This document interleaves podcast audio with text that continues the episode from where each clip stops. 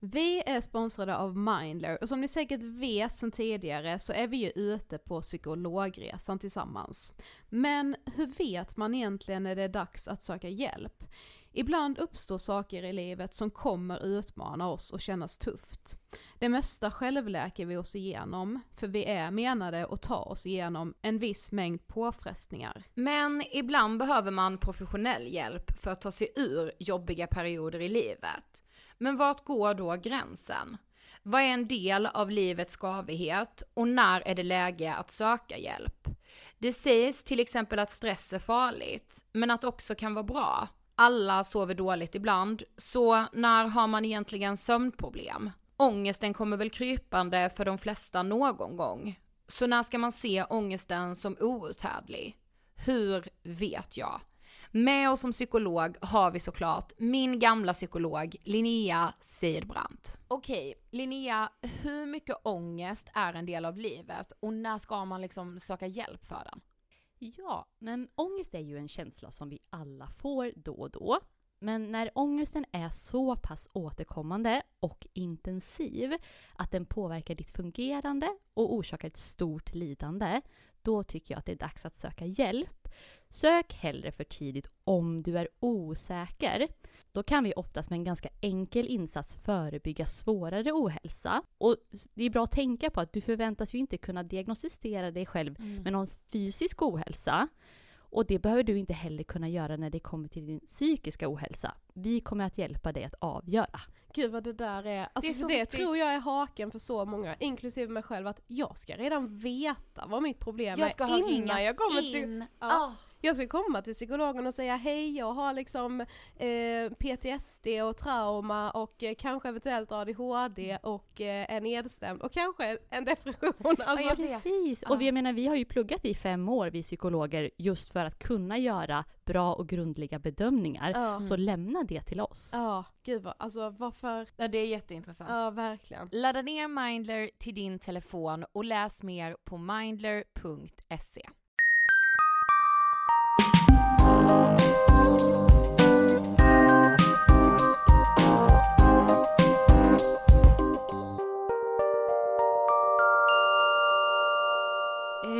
ja, alltså vad fan. Hej allihopa och välkomna till avsnitt 277 av Ångestpodden. Eh, ja, hur, hur ska jag säga det här nu då? Jag är själv i studion idag för att Ida ligger hemma sjuk och självklart tar vi vårt samhällsansvar och ger oss inte ut i den här tiden när vi är sjuka, utan eh, jag får helt enkelt sköta introt själv idag. Jag ska inte hålla på och babbla hur länge som helst här, det är ett helt otroligt avsnitt ni har framför er här, för idag gästas vi nämligen av Eva Röse. Men jag tänker ändå att så här, det känns så himla, det känns jättekonstigt att sitta här helt själv och prata med sig själv, även om jag vet att jag pratar med er. Men vi kanske ska ringa Ida ändå och bara prata lite. Jag hoppas att ni alla mår bra där ute och att ni tar hand om er. Hallå! hallå, hallå! Nej men alltså det här är så märkligt. Ja. Du vet jag, vadå, jag bara nej men jag måste ringa Ida för jag kan inte sitta här och bara prata med mig själv. Nej. Och liksom nu är jag med på länk. Hur känns det? Nej men alltså du vet, man är ju uppstressad. Det kan jag ju känna. Mm. Du vet när jag kände så här, jag kommer få feber jag kände det i natt, nu är det ju liksom tisdag när vi spelar in det här. Mm. Då kände jag så, jag kommer få feber. Och du vet, den liksom lilla uppstressade. Mm. Och du vet, man känner liksom efter så väldigt, väldigt mycket. Mm, jo, jo, så blir det ju. Ja. Men jag tänker bara, Men... vi släppte ju ett bonusavsnitt i söndags. Ja. Jag vill bara, om ni inte har lyssnat på det så lyssna på det bara. Ja men jag vill också säga tack för all fin respons om det avsnittet. Mm. För någonstans, alltså så här, vi, vi sa ju väldigt tidigt att vi inte vill prata så mycket om corona i ångestpodden för att det här ska liksom vara ett litet, eh, en plats dit man kan vända sig när man inte orkar lyssna på corona, men samtidigt så kände vi så här, ångestpodden kan, vi kan inte göra ångestpodden och inte göra ett ångest corona avsnitt liksom. Nej, och sen också så här, alltså nu är jag sjuk, alltså det blir att man pratar om det, alltså hur ska vi inte kunna prata om det? Ja precis. Sen kanske jag är sjuk, det är liksom det. Ja, alltså vi vet ju inte. Nej, alltså jag tänker bara så här, vi får ta en dag i taget liksom. Jag skulle precis säga det Sofie, vet du hur mycket jag landade i det ändå? Idag när jag pratade med mamma, hon bara, men okej, en dag i taget. Ja, men du, jag ringer ju dels för att jag inte vill sitta här helt själv och podda, det känns, alltså det, det känns jättemärkligt allt det här. Mm. Men jag ringer ju också för att vi den här veckan har ett samarbete med våra bästa vänner Hemmakväll. Ja, vi är sponsrade av Hemmakväll. Ja, och är det någonting man har nu framöver så är det ju hemmakvällar. Jag har ju alltid älskat hemmakvällar förvisso. Nej men du vet hemmakvällen för mig har ju liksom, ja men lite mer på senare år blivit helig. Förstår du vad jag menar då? Ja, verkligen. Alltså, jag tror att för bara så här, om jag ser tillbaka på mig själv och mitt eget liv för typ så två år sedan, så, så var jag nog rädd, lite rädd för hemmakvällen för att jag tänkte att så här, ja men dels så har jag alltid haft mycket så här fear of missing out, vet, nej men jag måste ut när alla andra ska ut och jag ska inte tacka nej till någonting och så här. Jag, jag tror jag underskattade hemmakvällen lite för att jag såg på det som någonting som skulle anses vara tråkigt. Ja, jag fattar. Men så är det ju inte, jag har ju insett att det är ju så jävla viktigt för mig att ha de här hemmakvällarna. Ja men också du vet såhär, nu har vi Kristi himmelfärd framför oss Mm. och då är det långhelg. Alltså att bara då anordna, så länge man är frisk, en ordentlig hemmakväll med familjen. Nej men snälla, säg något mysigare. Jag kan inte säga något mysigare men jag kan säga något väldigt roligt. Ja för du sa så här till mig, du bara, jag ska berätta en nyhet som du kommer bli skitglad över. Yes, för hemmakväll är nämligen de första i Sverige att ha nyheten nya Ben Jerrys Netflix and Chilled. Nu skojar du. Nej, jag skojar inte. Och vet vad jag Nej, tänker också? Att Nej, så länge jag håller mig frisk nu så tänker jag att jag kan ju dra till Hemmakväll, vår favorithemmakvällsbutik, köpa eh, en Ben Jerrys till dig och ställa den utanför din dörr. Nej men tänk, och jag som älskar Ben Jerrys. Ja. Och Hemmakväll är de enda fram till hösten som kommer ha den här nya Ben Jerrys smaken, så in och testa den här nyheten. Men det är det som gör mig extra stolt att få samarbeta med Hemmakväll, just att de är först. De är ju alltid Ja. först. Men du vet också att de har Sveriges bästa lösgodis, vad ska man säga? Nej, jag vet inte. Behöver vi säga mer? Jag vill säga tack Hemmakväll. Ja Ida, nu har jag redan berättat för våra lyssnare här att vi gästas av ingen mindre än Eva Röse idag. Åh herregud. Kan du tänka dig bättre lyssning nu när du ligger hemma och är sjuk? Nej, och jag måste också säga till dig Sofie, den här poddinspelningen, den utvecklade mig, inte bara som intervjuare, Nej. utan också som person. Ja, och jag känner bara så här, alltså jag, jag, jag visste redan att jag skulle bli golvad av Eva Röse för jag ser upp till henne så mycket men alltså vilken kvinna! Vilken pondus! ja verkligen, jag blev nog lite kär i Eva Röse tror jag. Ja, och vi var ju också väldigt nervösa. Alltså vi var ju pirriga. Det var vi, definitivt. Men du jag tänker så här att vi behöver inte liksom, du får sova nu och krya på dig och sen så rullar Ja. vi bara intervjun med Eva Röse helt enkelt. Kan inte jag få säga det från telefonen? Jo, Vi rullar intervjun med Eva Röse. varsågoda! Hej Eva, varmt välkommen till Ångestpodden. Hej, god morgon, god dag. God Hej. morgon. Vi brukar alltid börja med samma fråga till våra gäster och det är för de som inte vet, vem är du? Jag är en svensk skådespelerska som har varit verksam sen Vasaskeppet sjönk, känns det som. Nej, men eh, jag har jobbat som skådespelare i hela mitt vuxna liv. Och eh, film, teater och tv. Och eh, ja, det, det, det är mitt yrke. På något sätt har du ju funnits med i vårt I liv vårt liv har alltid funnits i mitt liv, så känner jag. Ja, fint. Ja men alltså man har liksom alltid sett dig, alltså det har varit så naturligt att du finns med på TV. Ja, Eller hur? ja. Det är liksom en del av den sven- det svenska folkhemmet kan man Ja. säga, som sitter här idag i, i studion. precis. Herregud, rulla ut mattan för Ja. skull. Ja förlåt Gode att vi inte hade, ja precis. Det borde vi verkligen Ja, jag gjort. stod utanför och väntade på någon fanfar. Det var därför jag blev lite sen ju. Ja, du Ja. fick, vi har bjudit på en dricka i alla fall. Ja, tack, tack. Ja, nej men roligt. Ja, det kan ju vara så om man är yngre än vad jag är. Ja, Mm. vi är 26, Mm. 27 är vi. Mm. Gud. Mm. Ja. Sämsta åldern ju, rent psykiskt. ja, precis det är därför jag ångest. Ja, det har vi känt. Nej men va, är det inte så? Ni som har hållit på med det här så länge. Jo. Nej, jag ska, nej, jag tar tillbaka det. Det kan också vara hela tonåren och så vidare. Ja men exakt. Mm. Fast, jag, Fast det är det- ju en förvirrande Det är en ålder. självande ålder. Mm. ja det har varit svajigt senaste åren. Ja. Ja. men det stämmer faktiskt. Ja, det är mycket som liksom, det ska göras bokslut och det ska blickas framåt och man ska Ja. ta en massa jättejobbiga beslut. Exakt. Ja, man ska veta så mycket också, Ja. känner vi. Ja. Vad man är och vad man vill. Ja. Hemskt. Ja, fruktansvärt. Men vad tänker Som du på? om det blev bättre. ja. Nej, vad tänker jag vadå? Nej men alltså vad tänker du på när du hör ordet ångest? Liksom vad är det för dig? Jo men dels är det ju bland annat eh, att man, att man drar till med det. Det har blivit liksom en, ett helt vanligt vardagsord Mm. som man slarvar och slösar med konstant Gud, ja. hela tiden. Mm. Eh, och sen när någon väl talar om det på riktigt så tror man ju knappt på det. Alltså det, det har blivit ett lite urvattnat ord. Mm.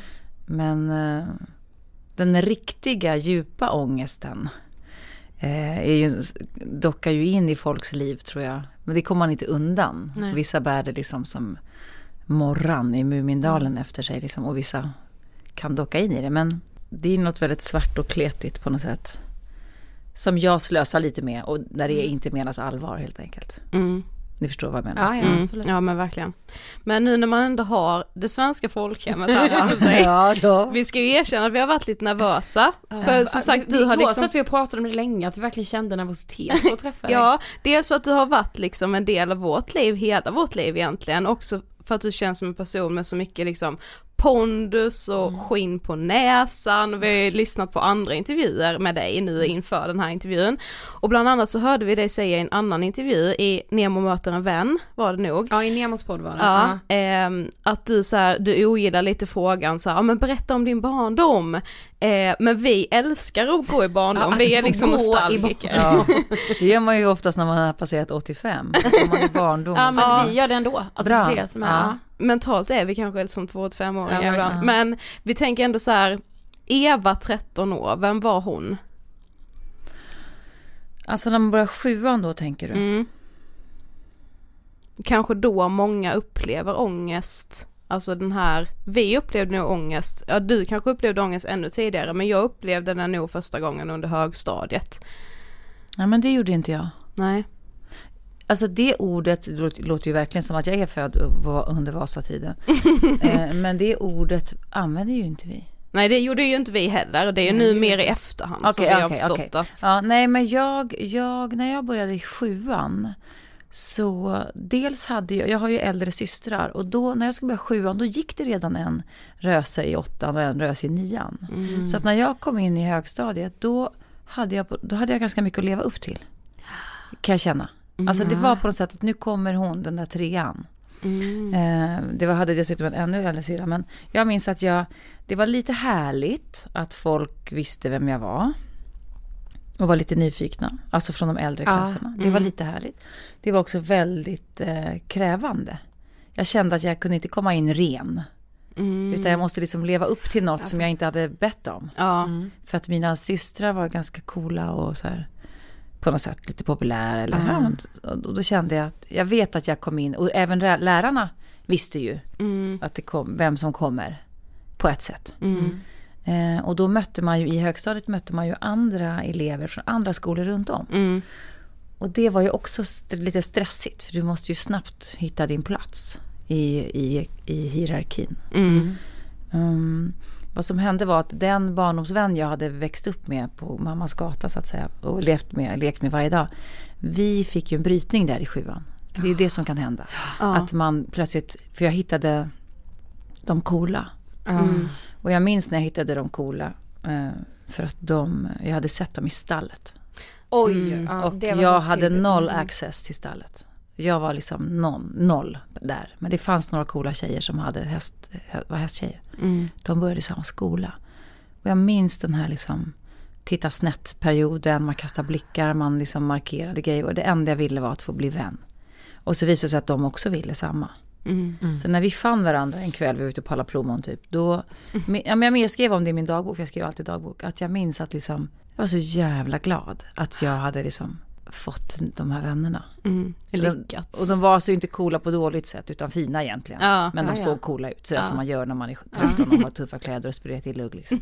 ja. Men det var en konstig tid, för jag skulle nämligen bryta med min barndom då helt enkelt. Med min den här bästisen. Och hon hittade en annan vän. Hon fick också chansen att liksom göra en remake och, Mm. och få bli en ny. Och jag fick chansen att bli kanske en ny, eller den jag egentligen var på något sätt. Men var det så här ömsesidigt mellan er eller blev det liksom konstigt att du ville bryta upp? Alltså, Nej men det blev, det blev lite konstigt, jag minns det. För jag blev också väldigt sårad. mm. Att hon valde den andra tjejen så himla starkt. ja. Men hon var nog också väldigt sårad över att inte riktigt hänga med i jargongen som jag hamnade i. Mm. Men det var konstigt, vi var tvungna att vara sura på varandra. Mm. Ja. Är ni med? Ja. Istället för att ha ett snack. Mm. Så ska man visa avbrottet genom att bara vara, Mm. att det blir bara blir konstigt. Ja, och det är Precis. typ enklare att liksom typ acceptera det här avbrottet för att man är då ovänner. Ja, istället för att bara så här, nu har vi glidit ifrån Ja. varandra eller nu, just nu vill vi inte Precis. riktigt samma sak. Ja. Men gud, jag kan också minnas, alltså jag är ju ensambarn, men jag kan minnas de här som började i ens klass och så hade de äldre, alltså typ i nian. Mm.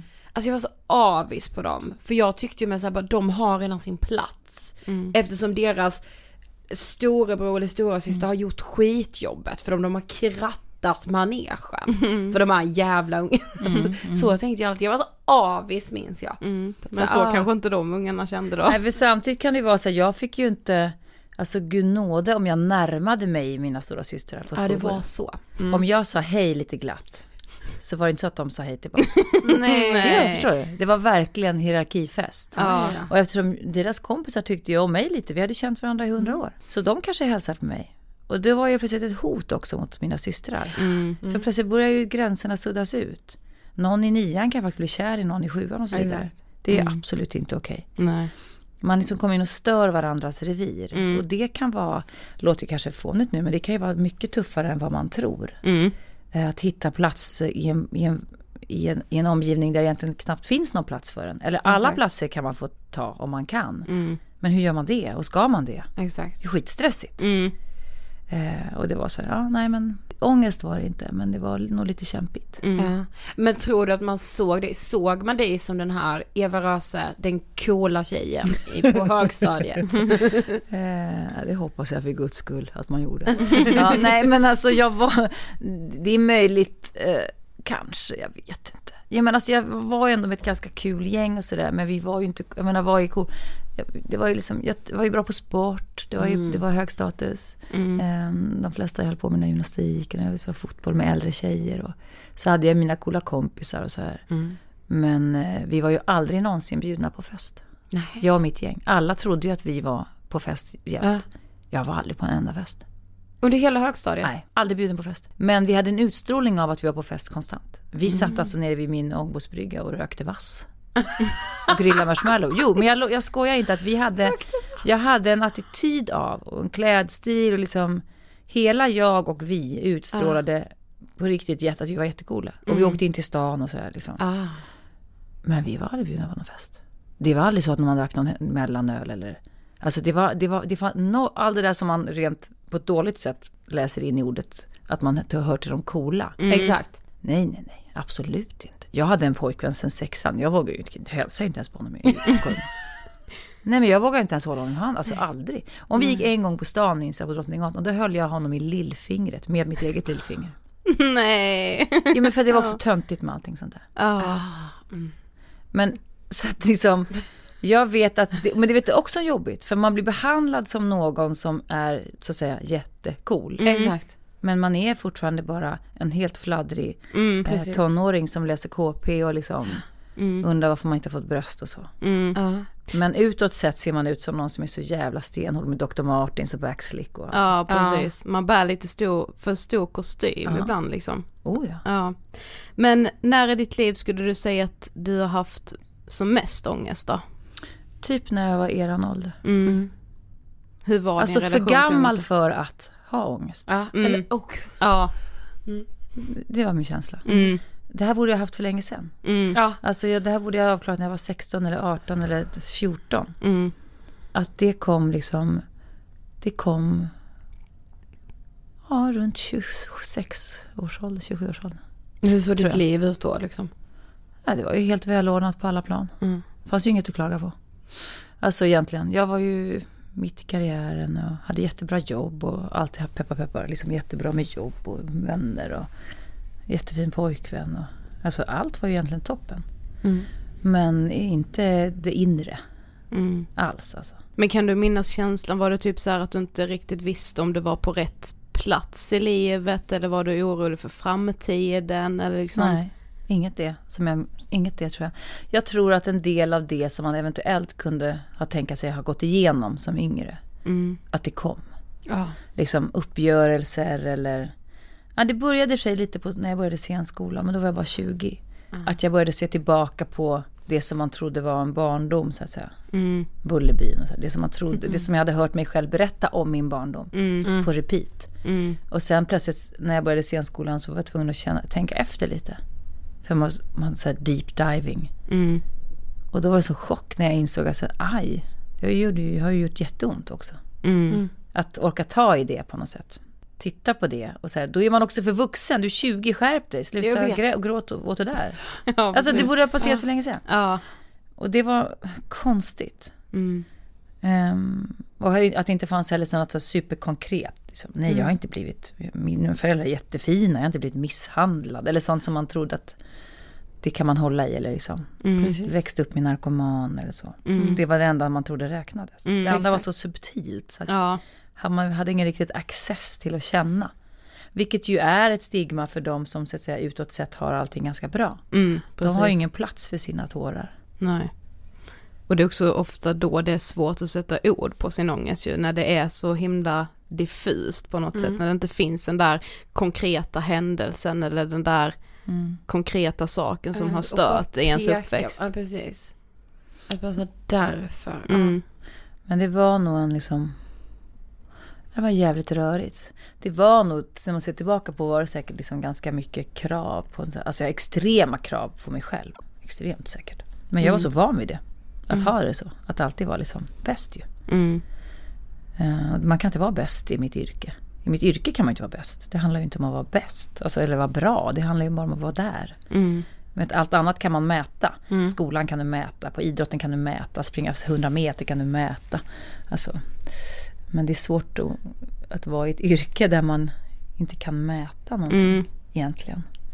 Ehm, och sen så att det, att det är liksom rörigt i relationer med, med andra på något sätt. Att, man, att öva sig på att släppa garden om man alltid haft garden uppe Mm. är ju en jättekonstig situation. När man inser att man kanske måste vara sårbar för att komma nära någon. Fast det är lättare att liksom så här, göra facktecknet och gå hem. Mm. Det hade jag ju varit jättebra på, alltid. Mm. Och trott att ingenting berör mig. Ja. Gud jag känner igen mig så mycket i det här, alltså jag var med verkligen jättelänge den som bara liksom utåt sett alltid sa att ja men jag gråter nästan aldrig, jag liksom har den här tjocka muren runt mig, ingenting kan liksom krossa mig på något sätt. För att det var så bekvämt att vara den personen som hade garden uppe. Men var det liksom första gången då när du började på scenskolan när du var 20 som du så här var tvungen att släppa den garden? Nej men alltså gråtit har jag verkligen gjort hela Ja. mitt liv. Alltså varit egentligen väldigt, väldigt nära till det. Varit väldigt så i min egen värld, alltså och fått ganska mycket skit för det också. Mm. Framförallt av mina syskon och så, att det är ju töntigt. här. Mm. Men att vara väldigt känslig, men det, det har jag nog, på ett sätt, det, det, det har jag nog varit- haft ganska mycket kontakt med. Mm. Det var liksom det här, den här härliga kamraten, självhatet. Mm. Alltså det var ju det som var mitt problem.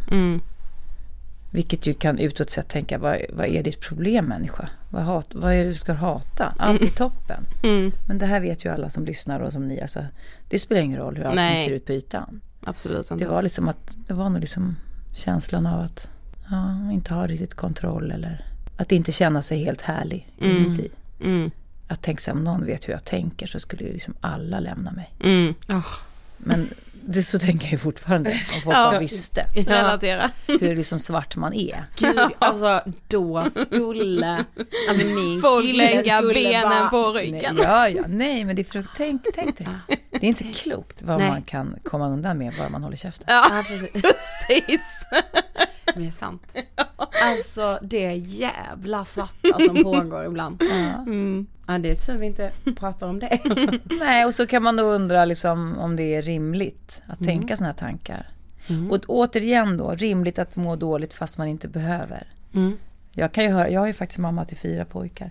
Jag kan ju höra mig själv, senast igår, dra liksom flyktingkortet. Alltså så här, när någon är för ledsen av en, igår var det för att det inte var ordentligt med varmvatten i duschen. Mm. Och det kom en stor känsloutbrott då, Mm. från min lilla pojke. Och jag tyckte det var så jävla töntigt. Och jag blev så irriterad på att han, och då kan, och då kan jag dra liksom, du ska ändå vara glad att du har ett hus och att du har en dusch och vet hur det ser ut på flyktingläger i Moria, alltså på Ja. Lesvos. Alltså jag, då kommer hela min, för jag, Ja. då vill jag trycka ner honom, trycka till honom, för jag blir så frustrerad. Mm. Men det ska man inte göra med någon som är så liten. Nej. Förstår Nej, du? det funkar Nej, nej, det är skitdumt. Ja. Fast jag förstår och, och, ju sekunden känslan. efter så tänker jag så här, men jag måste vara världens sämsta förälder. Jo men för att min, min, Ja. min, vad jag ville var att trycka till honom. Mm. Det ska inte en mamma vilja. Mm. Man ska inte vilja, men jag vill liksom få tyst på gnället om att det var lite för ljummet vatten.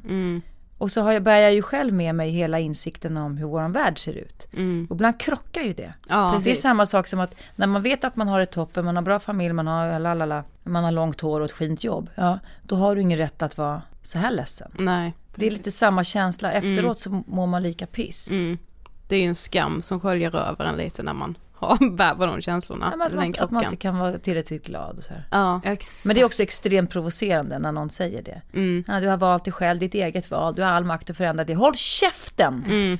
Nej men liksom sluta! Du inte säga de sakerna, för det vet vi. Att vi har all makt att förändra våra dagar. Jag säger ju själv det. Ja, det är så. dag är en ny Va? Chans, alltså jag säger Och bara, bara, har jag makten? Ja, nu när du säger Ja, det. det är som Alltså man- det ja. inte. Som om det skulle kunna fixas så fort. Ja, Ja. Precis. Ta makten över ditt liv. Ja, Välj glädje. Ja. Ja, nej men ni fattar. Ja, jag Ja. valde min positiva sida idag när jag klev upp. Ja, precis. Ja. Nej, men, och också i den åldern kanske då som ni är nu eller så här runt 27. Då, det är ju det här också så här. Är det det här livet? Har jag valt rätt jobb? Eh, är det den här personen jag ska vara med? Varför känner jag inte som jag borde? Ska jag bo här? Ska jag bo i Sverige? Mm. Ehm, har jag någonstans att bo? Ehm, borde jag ha barn? Eller hur ska jag ha barn? Med vem då? Eller liksom, det, det är väldigt mycket stora frågor. Jag, jag Ja. tycker man ska lyfta åldern 27 lite mer och inte bara prata om 30 och 40 års kris. Eller hur? Mm. Tack. Ja, jag tycker hela, Tack, hela 20 till 30 här har jag krisat som Ja, aldrig Jag har förr. Alltså. så mycket. Ja. Nej, nej jag skulle inte säga så här, inte så här 21, 22, 23, alltså det här tidiga 20 var inte alls Nej. krisig. Nej, inte som Sen. 25 och efter. Smällde det ju. Mm. Mm. Ja, nästa fråga. Men alltså du sa det, du började på scenskolan när du var 20. Mm. Alltså var du den här som man ofta läser om som när du liksom var typ tre år, bara jag ska bli skådis? Ja, Ja. sju år i alla fall. Nej men det var, jag ville bli skådespelare, ja. Sen jag var liten. Det var det jag skulle bli. Mm. Och det var liksom, har det varit självklart hela tiden? För mig ja, Mm. inte för någon annan. Nej, Nej. men det spelar men ingen roll. Nej, det spelar ingen roll. Nej. Men för mig ja. Mm. Och jag hittade på lite senare, för man blir ju bemött med ganska mycket skepsis, men det kan man genomskåda fast man är sju. Mm. Det är som att när någon säger att den ska bli liksom hockeyproffs eller, jag tänker på mina pojkar så här, eller, Mm. ja men, eller skådespelare, filmstjärna eller youtuber eller vad fan det är nu. Mm. Att man liksom, ja ja, tänk, säger vuxna. Mm. Så blir man bemött om man sa att man skulle bli skådespelare. Och då, då adderade jag alltid från att jag var- gick i trean typ, eh, att jag skulle bli veterinär. Eller journalist. För det, då fick man exakt reaktion som man ville ha från vuxnas Exakt. ansikten. Mm. Så var du journalist när du är så här 10, då fick du massa härligt ljus på dig. Mm. Så var du skådespelare så fick man ju klapp på huvudet. Ja men så att jag valde liksom att ljuga där lite men, Mm. men jag visste att jag skulle bli det. Eh, Du nämnde här att du liksom eh, har ganska hög press på dig själv, eller liksom sätter ribban ganska högt. Har du någonsin prestationsångest? Hur då? Beskriv det.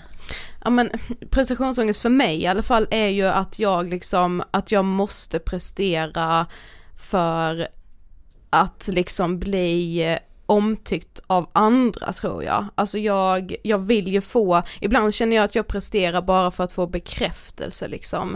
Eh, eller att jag är rädd att jag ska liksom inte uppnå det som jag tänker att andra liksom har förväntat sig av mig.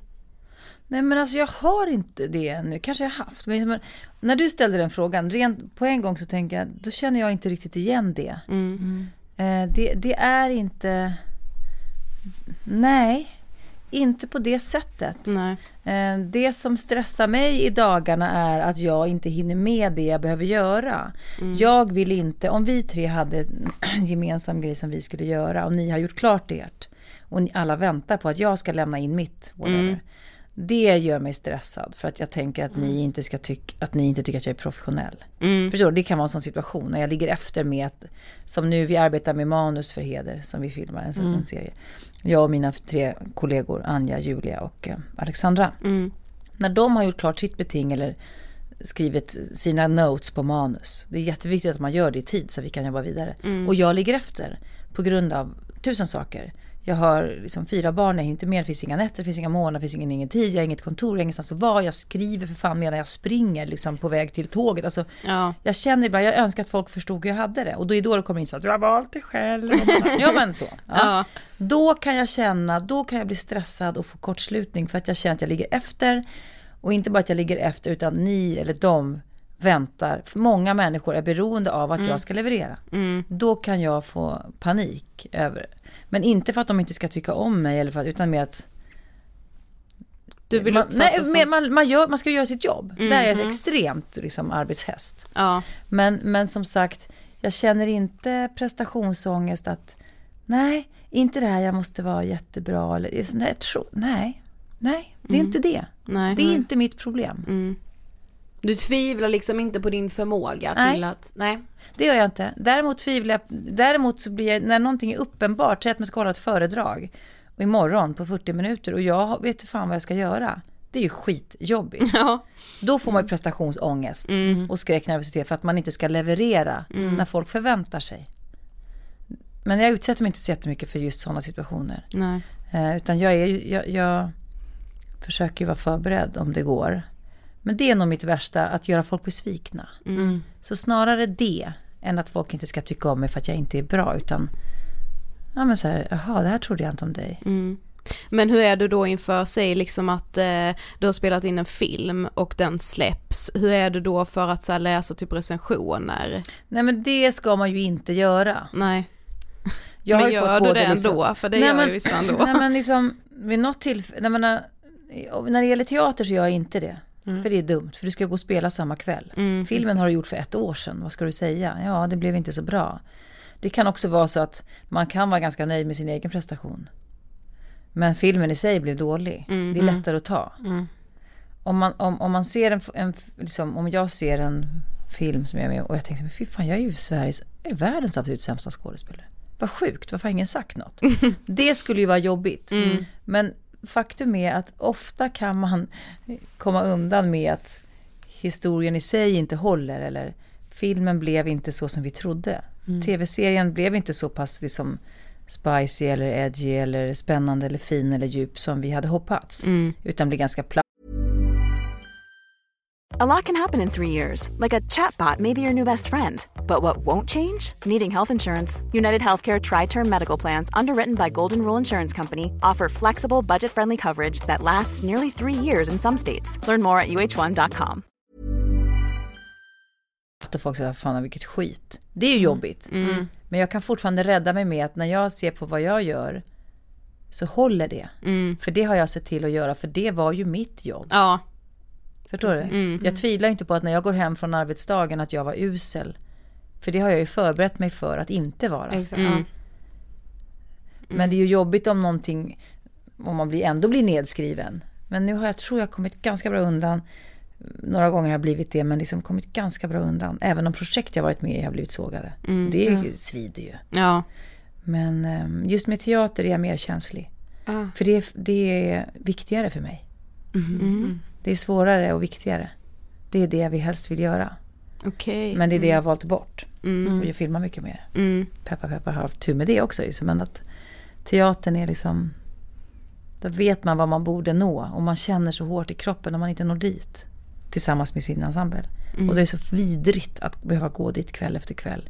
Och känna, det här räcker inte riktigt. Mm. Sen jobbar man ju på det varenda dag för att göra det bättre. Men det är en vidrig känsla. Och om någon dessutom har sett det då. Jag vet inte om det har hänt riktigt. Men jag vet att jag har fått någon ljum, vi har fått ljumma recensioner en gång. Men när man vet själv, känner själv att det inte riktigt är hundra. Och inser att vi kan inte heller lura någon att det är det. Nej.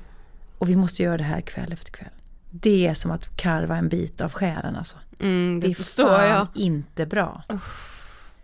Förstår ni? Och det Ja. också kan ju vara lika jävligt att man känner det här är riktigt dåligt. Men så blir det uppskrivet. Och man ja. tänker, gud vad sjukt, är jag dum i huvudet? Hur kan, nej men hur kan ni tycka att det här är bra? Mm. Det är också konstigt. Mm. Men varför har du valt bort teatern? För att jag har mina fyra pojkar som är så pass små. Mm. Eh, och jag har fått möjlighet att filma då så mycket. Mm. Och det är lättare att ha en familj. När man, Såklart. när man liksom, eh, vad säger jag, lättare att ha, en fam- att ha en familj om man inte måste gå bort varje Nej, kväll. Mm. Eh, så det har varit lite det. Mm. Men jag längtar alltid till teatern. Det är egentligen mitt hem. Det Mm. kan jag känna sorg över lite. Att jag inser, men gud jag är så här vuxen och gammal nu. Jag har ju haft liksom otroligt många år där jag inte har varit produktiv. Fast jag i mitt huvud tror att jag är teaterskådespelare mest. Fast du är ju inte gammal, du är, är, du 46? Det jo, finns jo, tid men, jag men, jo men jag menar att man inser, nej men just de där rollerna. Nu tog jag ett glapp på 15 år. Mm. Fast du under tiden har filmat och Hela tiden. Ja. Jag har varit på teatern, på Dramaten och Stadsteatern några gånger. Mm. Men jag menar, jag började ju samtidigt som många av mina kompisar. Och sen lämnade jag. Mm. De är ju kvar. Mm. och har liksom haft ett helt teaterliv. Mm. Jag kan ju komma tillbaka dit. Jag var där för två år sedan och så. Men det är bara konstigt när man inser så här. Jaha, vänta nu. Just det, jag kan ju inte spela den rollen längre. Vad sjukt, vad hände nu? Jag Mm. Just det, tiden amman. går. Ja, förstår du? Ja. Det, det, det är också, en, i min bransch är det väl också väldigt tydligt. Ja, precis. Men jaha, Julia är 14 år. För det är hon ju på riktigt. Man bara, okej. Fan. Då blir det amman. Liksom. Ja. Men, men liksom, alltså igår så satt vi och pratade om det och bara så här, vad har vi för bild av Eva Rase? Och kom fram till att vi har, men som vi var inne på i början, liksom, du har sån pondus, du känns så liksom, men du känns, när man hör dig prata är du så jäkla rationell i allt du liksom, alla resonemang du för. Samtidigt känns det som att du har så nära till dina känslor. Och det behöver ju inte vara så antingen eller, men, men stämmer den bilden? Vad menar du med rationell?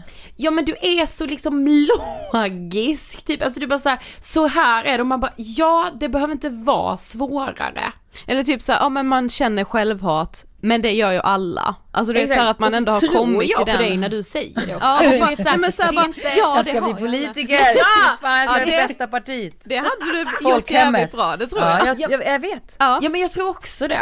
Ja, det var så här råttfångare, råttfångaren från liksom Bremen. Jag har fått med mig alla bara för att jag är så här, så är det. Du pekar med Ja. hela handen, Ja. känner man. Ja, ja. jo fast förstår du, fast samtidigt känner jag så här, fast du är jättenära till dina känslor. Blir du jätteledsen här nu skulle du bara släppa ut och gråta? Alltså, Ja, mm, mm. Jo men jag har jättenära, jo men det har jag. Ja. Jag har mina känslor. Jag har jättelätt för att tala om dem.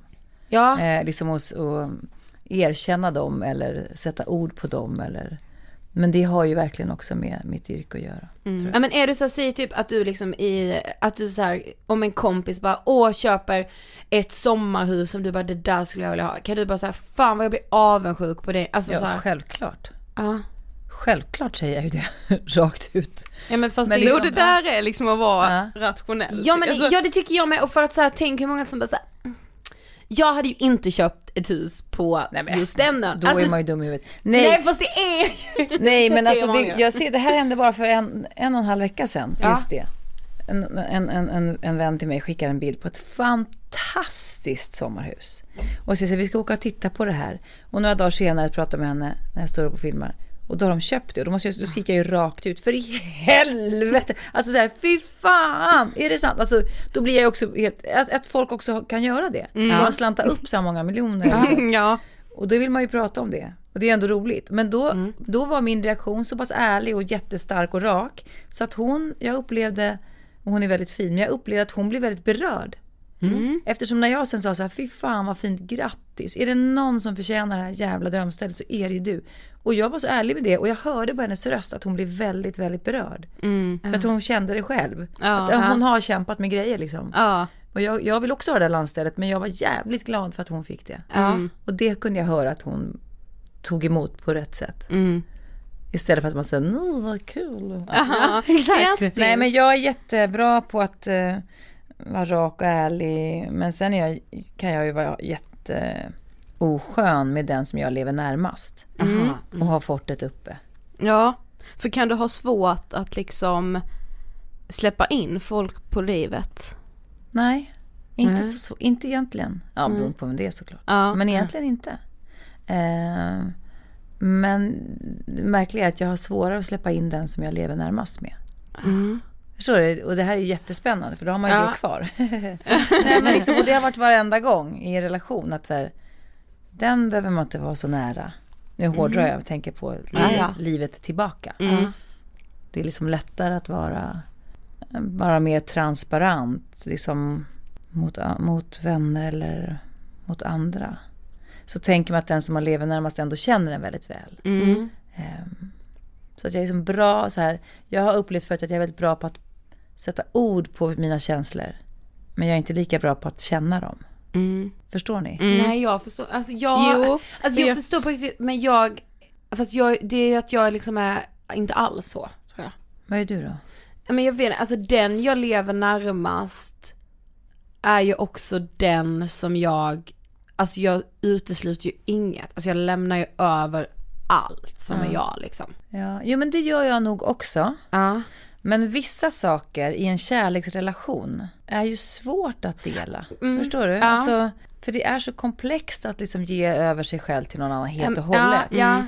Och så ska man ju leva vidare då hela livet ihop. Precis. Ja. Um, jag, jag, kan inte riktigt exakt sätta ord på vad jag menar men jag har märkt själv att jag har liksom lättare för att ge, jag är superfin och empatisk och ger råd till andra och kan dela med mig själv. Och, men att jag ändå håller lite fortet. Mm. Um, för att, kanske för att det också ska... Jag inbillar mig att man, man, inte behöver dela allt mm. med den andra. För jag förväntar mig inte att han delar allt med mig heller riktigt. Mm. Men nu har vi kommit till en fas när vi diskuterar så här, tänk vad som skulle hända om vi skulle verkligen vara så supertransparenta. Ska vi våga det? Eller så här, kan man förlora något på det? Mm. För hittills i min då barndom så har jag ju liksom absolut inte delat någonting. Det var inte så jag gjorde när jag växte upp. Allt höll man tyst om. Alltså, det var väl det som också blev en sån här konstig vulkanutbrott när man började scenskolan. Att, mm. Jaha, vänta nu. När jag, jag berättade initialt här i podden att man fick en insikt om hur barndomen kanske var. Mm. Ja, precis. Men man har inte haft access till de rummen. Nej. Så att min, min vanligaste reaktion är att blockera. Um, så att jag har ju varit jätte, jättejobbig tror jag att vara väldigt nära. Härlig och fin och kul bla bla bla på olika sätt. Men också det är ett mycket större steg att våga vara helt transparent. Som du mm. kanske är då nu. Mm. mm. Eller? Jag vet inte samtidigt. Alltså när du sa så här, fast man delar inte, för att det är svårt på ett sätt också att göra det i kärlek. Alltså där förstod jag på något sätt så nej okej det gör jag kanske inte. Alltså jag vet, jag mm-hmm. vill typ säga att jag är den. Mm. Men det är som du säger, vissa saker är ju så här, alltså det känns typ bekvämare att bara hålla, men som du säger, fått ett intakt då. Jag vet, alltså jag vet inte. Nej men så här då, om man vet Ibland kan man ju bjuda in andra utifrån eller bete sig mycket mm. bättre mot andra. Ja. Man, kanske det jag menar. Mm. Än vad man, att man kostar på sig att inte vara lika härlig Gud, ja. hemma. Mm. Och det kan vara att man kanske också kostar på sig att inte vara lika generös med sitt inre. Mm. Av någon anledning. Och jag tror att det har att göra med maktbalans. Ah. Att liksom, om jag ger dig allt som är mitt, då har du, har du också mig. Och det kan ju ha att göra med mot alla människor, alla relationer, yrkesmässigt eller nära vänner eller föräldrar, barn eller en partner. Att man behåller ju en del av sig själv kanske för att du inte ska ha hela mig. Mm. Och det tror jag, i alla fall i mitt fall, Freud, men det ligger liksom verkligen djupt rotat för barn och vuxenvärld. Mm. Att ge inte dem, för de har inte förtjänat det. Mm. Och det tror jag ligger kvar jätte, jättemycket Mm. i mig. Och jag, övar, jag håller på att slipa bort det. Mm. Mm. Ja men jag kan relatera jättemycket, jag menar vi har spelat in snart 275 avsnitt av Ångestpodden. Jag har suttit här och liksom vältrat mig och försökt gräva i känslor och sätta Ja. ord på det och så. Men jag har ju fortfarande jättesvårt för att prata om känslor med mina föräldrar, med min lillebror, alltså ja men med dig med, när vi inte, Inte sitter sitter här. här. Det är som att här är det liksom en bubbla där jag, där jag liksom ändå går in i en roll ju blir det på ett sätt för att här sitter jag och ska prata om det. Men i verkliga livet är det absolut inte så enkelt som jag får det att låta Här. i Ångestpodden. Där är det liksom i praktiken är det inte alls samma sak. Jag har också jättesvårt för att Nej men, liksom, nej men det är det ju inte, alltså Och också det kan jag känna mycket att, ja men jag vet att vi har pratat om det innan att så här, hur jag rör mig kring ångest, alltså jag vill vara den som säger om jag hör någon som bara, ja ah, men självmord är ett val för någon. Nej absolut inte, det är en konsekvens av en lång depression exempelvis. Då vill jag vara den som går, bryter in och bara, men ursäkta så kan du inte säga. Och så här, men jag sitter ju bara tyst för att säga, men i verkliga livet orkar inte jag. Sen kan jag stå på barrikaderna här bakom micken. Sitter du tyst då? Gör du verkligen det? Det beror på vilket sammanhang. Fast jag, ja, jag skulle nog kunna sitta tyst. Varför då? Det är ju inte klokt. Nej, jag vet. Men menar du i ett rum med vanliga, människor som du har något sätt har någon slags relation till? Eller menar Nej, du att du förbi inte- någon på bussen? Eller vad? Inte om jag har någon slags relation. Men säg att jag är på, säg att jag är på ett möte typ. Där någon säger det. Då kan inte jag säga att jag skulle Men säga det, det är precis, det är du som ska säga det. Jag vet! Jag Men- vet. Men varför? Det här måste Men du jag, förklara. ja men jag, jag kan inte förstå det. Alltså vi har haft så långa diskussioner om det här. Vi liksom, jag, vad jag vad tänker du inte. skulle hända då om du gick in och sa, men Ja, det förlåt, är vad det här- sa du nu om Jag är självmord? så rädd för det obekväma. Aha. Mm, att, Alltså skavet Ska, är det jag blir rädd för skavet och att jag ska vara den som skav. Alltså vad ska, hur ska de se mig då? Precis, Alltså, och då ska man då gå runt och tänka sen när man lämnar det här mötet att de ska säga om en, åh det är hon som alltid ska börja peka exakt. med hela Ja, handen, men och då blir man den Och som då- pekar och med då hela ska handen. jag också säga- och Ja, nu ska hon... exakt, Ja, exakt. hon ska alltid ha Ja. rätt i allt Ja. som har med Ja men ni vet ångest. så, här, och då ska också sägas att alltså min faster tog ju sitt liv för, vad är det nu, fyra år sedan och vi var jättenära. Ändå gör jag inte det. Alltså jag skäms och jag känner äcklas att jag inte gör det. Men det är just det bara, fast vad ska de tänka? Men det är inte om det här skavet som du nu sitter med, är inte det värre? Jo, det, det blir det ju. I förlängningen blir det ju verkligen det. För det skavet jag kan ha sen när jag ska sova på kvällen. Att du inte sa. Exakt.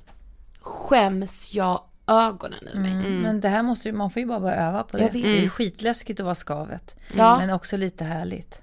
Ja, precis. Speciellt efteråt. Den jävla, jag kan se det, jag ser det som en kick. Ja. När jag väl har liksom, de Sen får, man ju, gångerna. sen får man ju tänka, de som eventuellt pratar om dig, du måste ju också tänka vad du egentligen tycker om det. Är det Precis. verkligen, alltså vilka är det då? Alltså, Jag och dessutom måste du sen umgås med den tanken ju, är du säker på att någon kommer prata om dig? Någon kan ju också gå ut och säga så här, fan vad bra att hon sa det. Ja, För min moster också, alltså förstår du, you Jag never vet, know. Så är det. Så att, det brukar jag säga till mina barn att liksom, ehm, om, alltså, om du inte säger någonting så är du en del av problemet. Eh, Ja, det- så är det ju. Så det är som också för dem, ja det kan hända att du har ett jättestort motstånd men de andra i rummet kanske har ännu större. Så då får du tänka så, äh, ja, det här är min uppgift. Jag du vet. får se dig själv som rustning, i Ja, rustning och precis. melans. Alltså jag är står längst fram nu i det här Mm. strids... Ja, ja, visst. Alltså, Nej men det är, jag brukar ju säga att man måste öva. Det är ju Ja. skitläskigt med skavet och med civilkurage eller gå fram till dem på gatan och Precis. säga hallå. Det är ju läskigt att säga något så hallå du tappade ditt pass. Eh, ja, bank." okej, alltså man ja. vågar ju inte, man skäms Man ser ibland hur någon Ja. tappar någon, man bara, ska jag säga nej jag skiter i det. tappa sin fingervant. Nej, jag, alltså hallå. men förstår, Nej men det är vi måste... Det här, Civilkuraget är Ja men det, ibland att ens höra väck. sin egen röst i ett offentligt rum är ju... Ja. Nej men eller hur? Och det här Ja, tycker jag är ja, ja. roligt. För Ja. dels det med mitt jobb, ja man står och pratar från scen, men jag kan också vara såhär, nej men gud han tappar. Men nu har jag, nu har jag verkligen, jag övar mig hela tiden på att, och det är jätteläskigt att bryta in när någon är dum eller någon förälder som är dum mot sina barn eller, Mm. Men liksom så här, bara gå fram till något unge som har fått en utskällning och, och bara säga så här, stå på dig. Alltså förstår du? Känslan efteråt man bara, Så det här får man ju öva på. Ja. Men jag är ju lite besatt av skavet, jag tycker att det är roligt. Ja men jag vill bli det, jag vill känna att jag vill ha skavet. Alltså, Men på tal då om skavet, det här blir en väldigt fin övergång måste jag säga, för under hösten 2017 briserade ju hashtag metoo som ju absolut var ett skav. Eh, och du blev ju ändå en av de som ledde uppropet Tystnad tagning i film och teaterbranschen. Alltså hur, var det självklart att vara en del av det? Eh, Ja, det var det. Absolut. Men jag ska ärligt säga att när jag lång, långt innan det här briserade så hade vi en liten tråd då med liksom kärnan i Tystnadtagning. Och jag blev inbjuden till den då när vi bara var några få. Och då tänkte jag initialt så här, va, vadå? Alltså jag fattar inte, ska vi gå ut med, för vi har ju så mycket historier. Och först tänkte jag så här, nej men ska vi verkligen, eller vadå, ska vi gå ut med det här? Då, jag var liksom inte vaken. Nej. Och sen kom det ett sms till från en annan kompis. Så här, har du hört av den och den? Hon försöker, hon försöker nå dig just nu. Då tänkte jag, jaha, vänta nu, vad är det här? Och då gick det ju liksom, bara vid nästa tillfälle så var jag ju helt på. Ehm, men min första reaktion var ju inte, ja nu jävlar! För då borde jag ha gjort det för länge sedan själv. Ja, precis. Så att min första reaktion var så här, vänta, ska vi, gå, ska vi börja sam... Eller vad menar du? Eftersom jag ju har suttit liksom i åratal och försvarat olika arbetsplatser och försvarat teatern och så här, eftersom teatern och kulturen är så jävla ansatt. ja. Vi vill alltid gå på då. Och det har ju varit en del turbulens genom åren med olika så att säga, alfahannar som har fått på pisken. Och de känner man ju också privat och har en relation till och tycker att egentligen har mitt eh, motstånd handlat om, om mitt, liksom, min obehagskänsla inför kvällspressen. Så att jag vill inte ha dem där och skriver ner fult om min arbetsplats. Och så. här. Jag vill inte ha er där. Så det har varit mitt motstånd. Men då har jag ju också underblåst att lägga locket på saker som har varit. För det är också konstigt när det är ens vän som de pratar om. Alltså man, det har varit väldigt många plan av medberoende ju. Ja, Såklart. Och när, när, när man inser, men gud vi kan ju... När den revolutionen plötsligt kom, insikten om... Alltså dagarna innan vi eh, publicerade uppropet i Svenska Dagbladet så var ju det helt otrolig känsla. Man Ja, så visste jag att man satt... ryser. Ja men jag med. ja. Den här bomben, så att det här smsen som bara gick bam, bam, bam, bam. Tänkte shit, vi gör det verkligen. Och liksom kvällen innan, jag kunde inte sova. Så att... ja, det var en otrolig känsla. Sen var det inget stopp. Nej. Men jag ska ändå säga att jag har dragit mig flera gånger ändå från att gå ut och sänka en offentlig vän eller flera i pressen med mitt namn. Mm. Att, att lämna flocken då, det stora. För våran, våran strategi var ju att inte hänga ut folk. Nej precis. För att inte det ska bli en person och så ryker han och så var det klart. Utan att på, visa på strukturer, att det sker på i mataffärer, restauranger, bolag, företag, alltså överallt. I alla länder, överallt. Ja, det här vet ni och kanske ni som lyssnar också. Det var anledningen till att vi inte pekade ut folk en och en. För att slippa drev då, och det vill säga kvällstidningsäcklet. som Ja, jag kallar det. Mm. Men sen fick jag såklart frågan om att ändå namnge och så. För att vissa människor har ju kommit undan ganska lindrigt. Mm. Och det är ju mitt skav, vårt skav. Att de ändå inte fick så Vi ser ändå inte att de har, de har fått så mycket konsekvenser. Nej. Och det är ju skitjobbigt. Det är inte så att jag menar, Weinstein hamnar i fängelse och det är ju bra. Ja precis. Men här har ju ingen hamnat i fängelse. Nej, precis. Eh, och det är ju svårt att veta hur man ska förhålla sig. Eh, som, e- som Eva då själv. Så här, Ja. Ska jag lämna min flock, i vill säga vi, tystnadtagning, ska, vi, ska jag lämna den strategin och gå själv och spräcka det vi har kommit överens om, som är större än en egen personlig vendetta. Mm. Då har ju valet varit att inte köra personliga vendettor. Mm. Utan att följa med den större visionen. Mm. Och jag tror att det lönar sig i längden, men det skaver ändå. Men har ni kunnat liksom, alltså innan hela metoo, har ni ändå liksom kunnat prata om de här strukturerna, alltså ni kvinnor emellan, vad ni har upplevt? Eller har det liksom funnits en tystnadskultur även mellan er? Nej men det har vi absolut pratat om. Men jag menar, jag visste ju inte att jag hade ett- 1300 systrar runt om i landet. Nej. Nej. Det visste inte jag. På det sättet. Jag har ju bara pratat med de närmsta. Mm. Men det har ju, då har man ju pratat om det som precis som jag tror att alla andra i vårt samhälle har pratat om det. Alltså så det är. Snubbar, precis. killar, män, snubbar, killar, män. Ah, ja. Så har man pratat om det. Mm. Som om det var eh, oundvikligt. Ja, Jag vet, ah. Och bara så det är Ja. något man ska så tugga bara, i sig. gud jag var på den festivalen och då hände det. Bara, ah, Ja. Punkt. ja, så- jag vet, jag har ju varit Ja. med om samma. Och så, han är sån, han är helt dum i huvudet, han är sån, skit i det. Ja. Alltså så har det varit, som om det inte, som om det var det normala tillståndet. ja, och inget som man kan lösa liksom. Utan, Och när den insikten kom, jag menar, det var ju otroligt. Men gud, fan vi kanske kan så här. Alltså, det var ju också ett märkligt uppvaknande från någon som är så pass vuxen som jag. Hur i helvete har jag, som är så pass så att säga grundad, bla bla bla, mm, och stark och liksom vågar säga. Hur har jag trott att det här var något man måste finna sig i? Hur kan jag, alltså det är ofattbart. mm, Så det var ju också en jobbig insikt. Det krävs ju en uppgörelse. mm, Att vara en av dem som har ändå låtit det pågå eftersom jag då inte levde som jag lär mina barn. mm, Att om du står tyst bredvid så är du en del av problemet.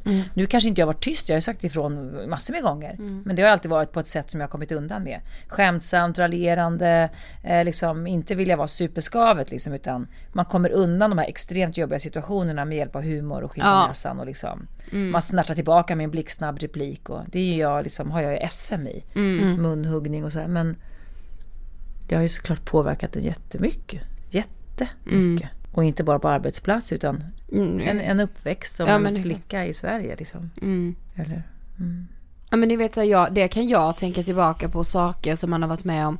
Och alltså det har aldrig, aldrig, aldrig slagit mig att så här, jag kan polisanmäla det här. Alltså det finns, har aldrig funnits i mig att så här, fast det här är ett sexuellt övergrepp. Alltså, man Eller bara åtminstone ta det till sin närmsta chef. ja, Eller åtminstone säga till producenten. Eller åtminstone säga till en annan person. eller hur?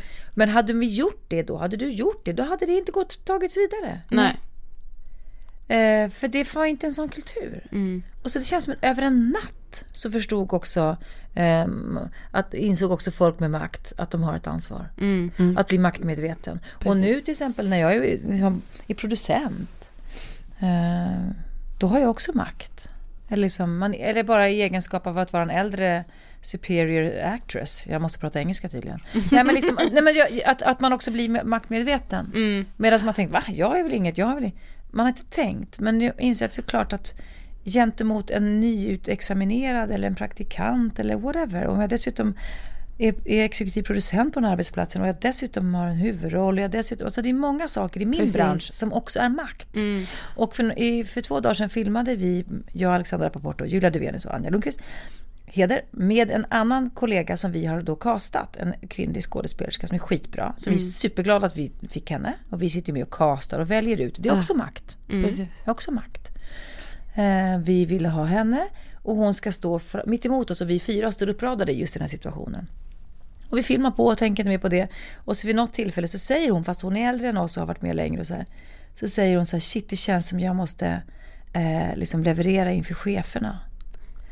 Och då typ, vi vänder oss om och undrar vilka chefer? Ja, Nej men gud, då? det är ju vi. Och så kunde vi skratta åt det. Men hon var ändå så här väldigt transparent med. Hon bara, jo. För hon vet ju om att vi har varit med och skrivit det här, vi har hittat på det. Vi är producenter och vi har castat henne. mm, Men så har ju vi aldrig tänkt. Mm. Vi tänkte ju bara, vi är bara fem kamrater här.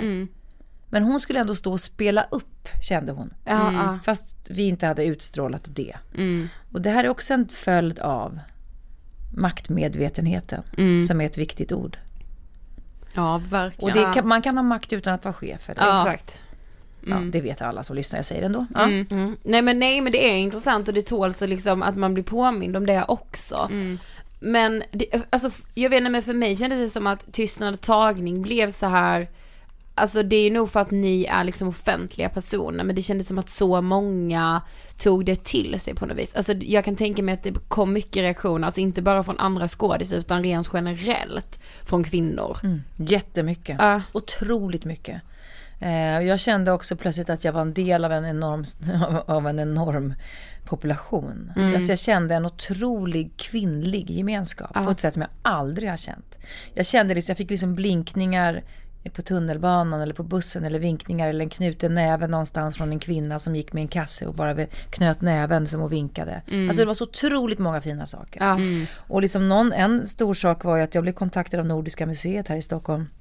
Som bad att få min t-shirt som jag hade på Guldbaggegalans manifestation. En svart t-shirt som det står tystnadtagning. De vill ha den t-shirten, de har nu fått den.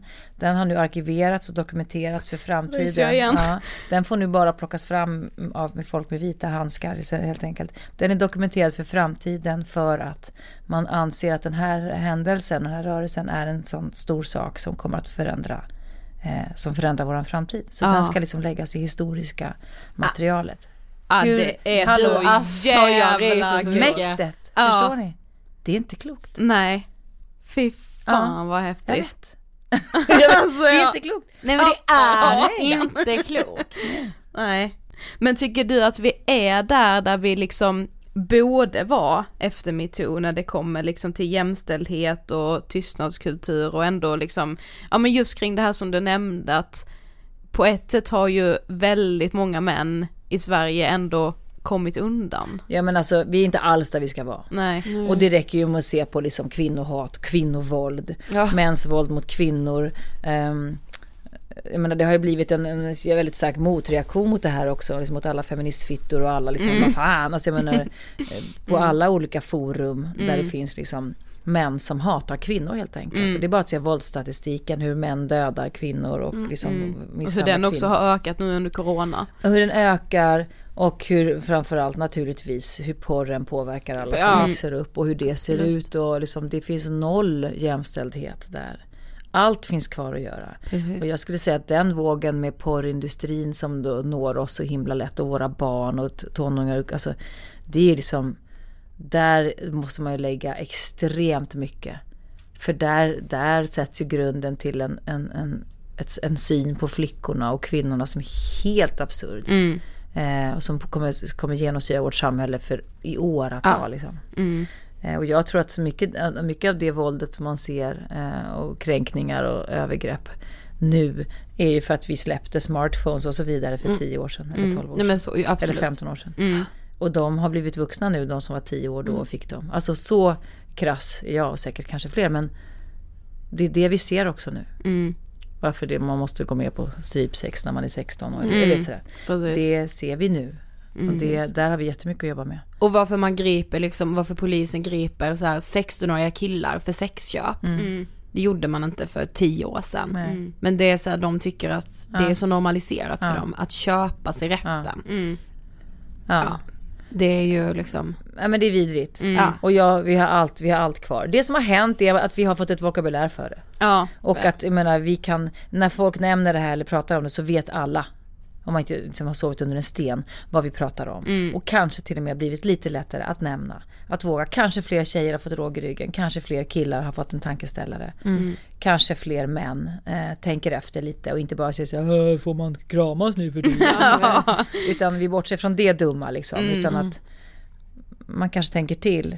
Och även jag får tänka till. Alltså, det är ju, för, ja, man har ju själv en jargong och ett sätt att bete sig mot folk. Så här. Och också plötsligt då har man lite makt tydligen. Alltså då, ja, jag kanske inte kan hålla på och säga som jag alltid har sagt. Och, ja, kanske en viss typ av städning hos folk mentalt. Mm. Ehm, och framförallt hoppas jag på, i företagskulturer att man ändå sätter det på agendan så att om någon vågar sig till en chef så ska den chefen åtminstone känna att hen är skyldig att göra någonting. Ja. För det står i lagen. nu. Mm. precis. Kanske har vi nått dit. Mm. På väg. Hoppas. På god väg. Ja, ja, tror ja. jag. Mm. ja, men jag har gott hopp. Jag Och också. framförallt när man ser alla så här smarta, fina unga människor, killar också. Ja, Alltså så många som ändå kämpar för rätt saker och så. Mm. De behöver ju också få hjälp att få komma bort från en, en kille och en mansroll som är piss. Liksom. absolut. Mm. Då har vi kommit till sista. Vad inspirerar dig? Jag blir väldigt inspirerad av modiga människor som går utanför sin comfort zone på något sätt. Där man, där man ser och förstår att det här kostar på, men man gör det ändå. Det tycker jag är härligt. Oavsett om det är liksom Det kan vara att man ser ett inslag på sporten, någon som aldrig har klarat något men plötsligt gör det, så höjdhopp, det är inget jag blir superinspirerad av kanske, men jag menar, man förstår att det har kostat på Mm. och när det lyckas. Eller ett barn som lyckas med någonting, är det en artist som, eller en, en blivande artist som vågar stappla sig fram och göra en jätteläskig audition om man ligger och scrollar och tittar på sånt. Alltså människor som plötsligt kommer över sin skräck och gör någonting. Eller att våga prata inför folk eller liksom att, att man, man, man manifesterar någonting som man inte trodde var möjligt. Och i min värld är det ju framförallt med konst att man ser något man inte har sett eller man hör något man inte har sett eller man tänker hur fan kom de ens på den här idén? Det är helt sjukt! Vem skrev det här? Alltså vem kom på att man kunde göra så här ens? När man inser att men det var inget stopp i den här personens tankebana. Det var bara fritt. Mm. Det var bara köra. Det tycker jag är härligt. Det skulle jag önska att vi gjorde lite mer. Ja, jag med. Bara köra. Ja, bra slutord. Ja. Tack så jättemycket för att du ville gästa Ångestpodden. Tack snälla för att jag fick komma. Tack. Ja, jag tror att ni kanske är lika golvade som jag och Ida var efter den här inspelningen. Ehm, jag eh, älskar dig Eva Röse, jag får säga. Nej men tack så jättemycket Eva för att du vill gästa Ångestpodden.